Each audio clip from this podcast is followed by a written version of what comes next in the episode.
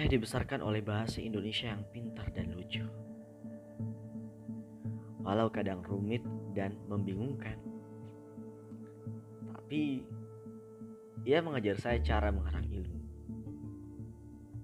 Sehingga saya tahu bahwa sumber segala kisah adalah kasih. Bahwa ingin berawal dari angan. Bahwa ibu tak pernah kehilangan iba. Bahwa segala yang baik akan berbiak. Bahwa orang ramah tidak mudah marah. Bahwa untuk menjadi gagah kau harus menjadi gigih. Bahwa seorang bintang harus tahan banting. Bahwa orang lebih takut kepada hantu ketimbang kepada Tuhan.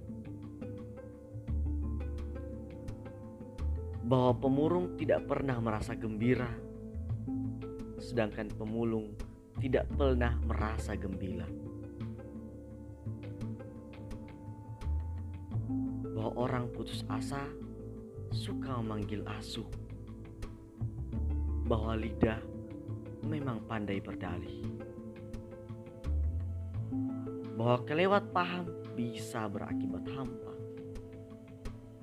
bahwa amin yang terbuat dari iman menjadikan kau merasa aman.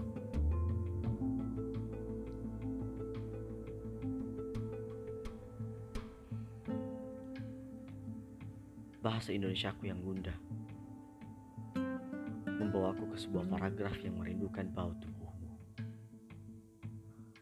Malam merangkai kita menjadi kalimat mencemuk yang hangat. Di mana kau induk kalimat Ketika induk kalimat bilang pulang, ada kalimat paham bahwa pulang adalah masuk ke dalam palung ruang penuh raung. Segala kenang tertidur di dalam kening. Ketika akhirnya matamu mati,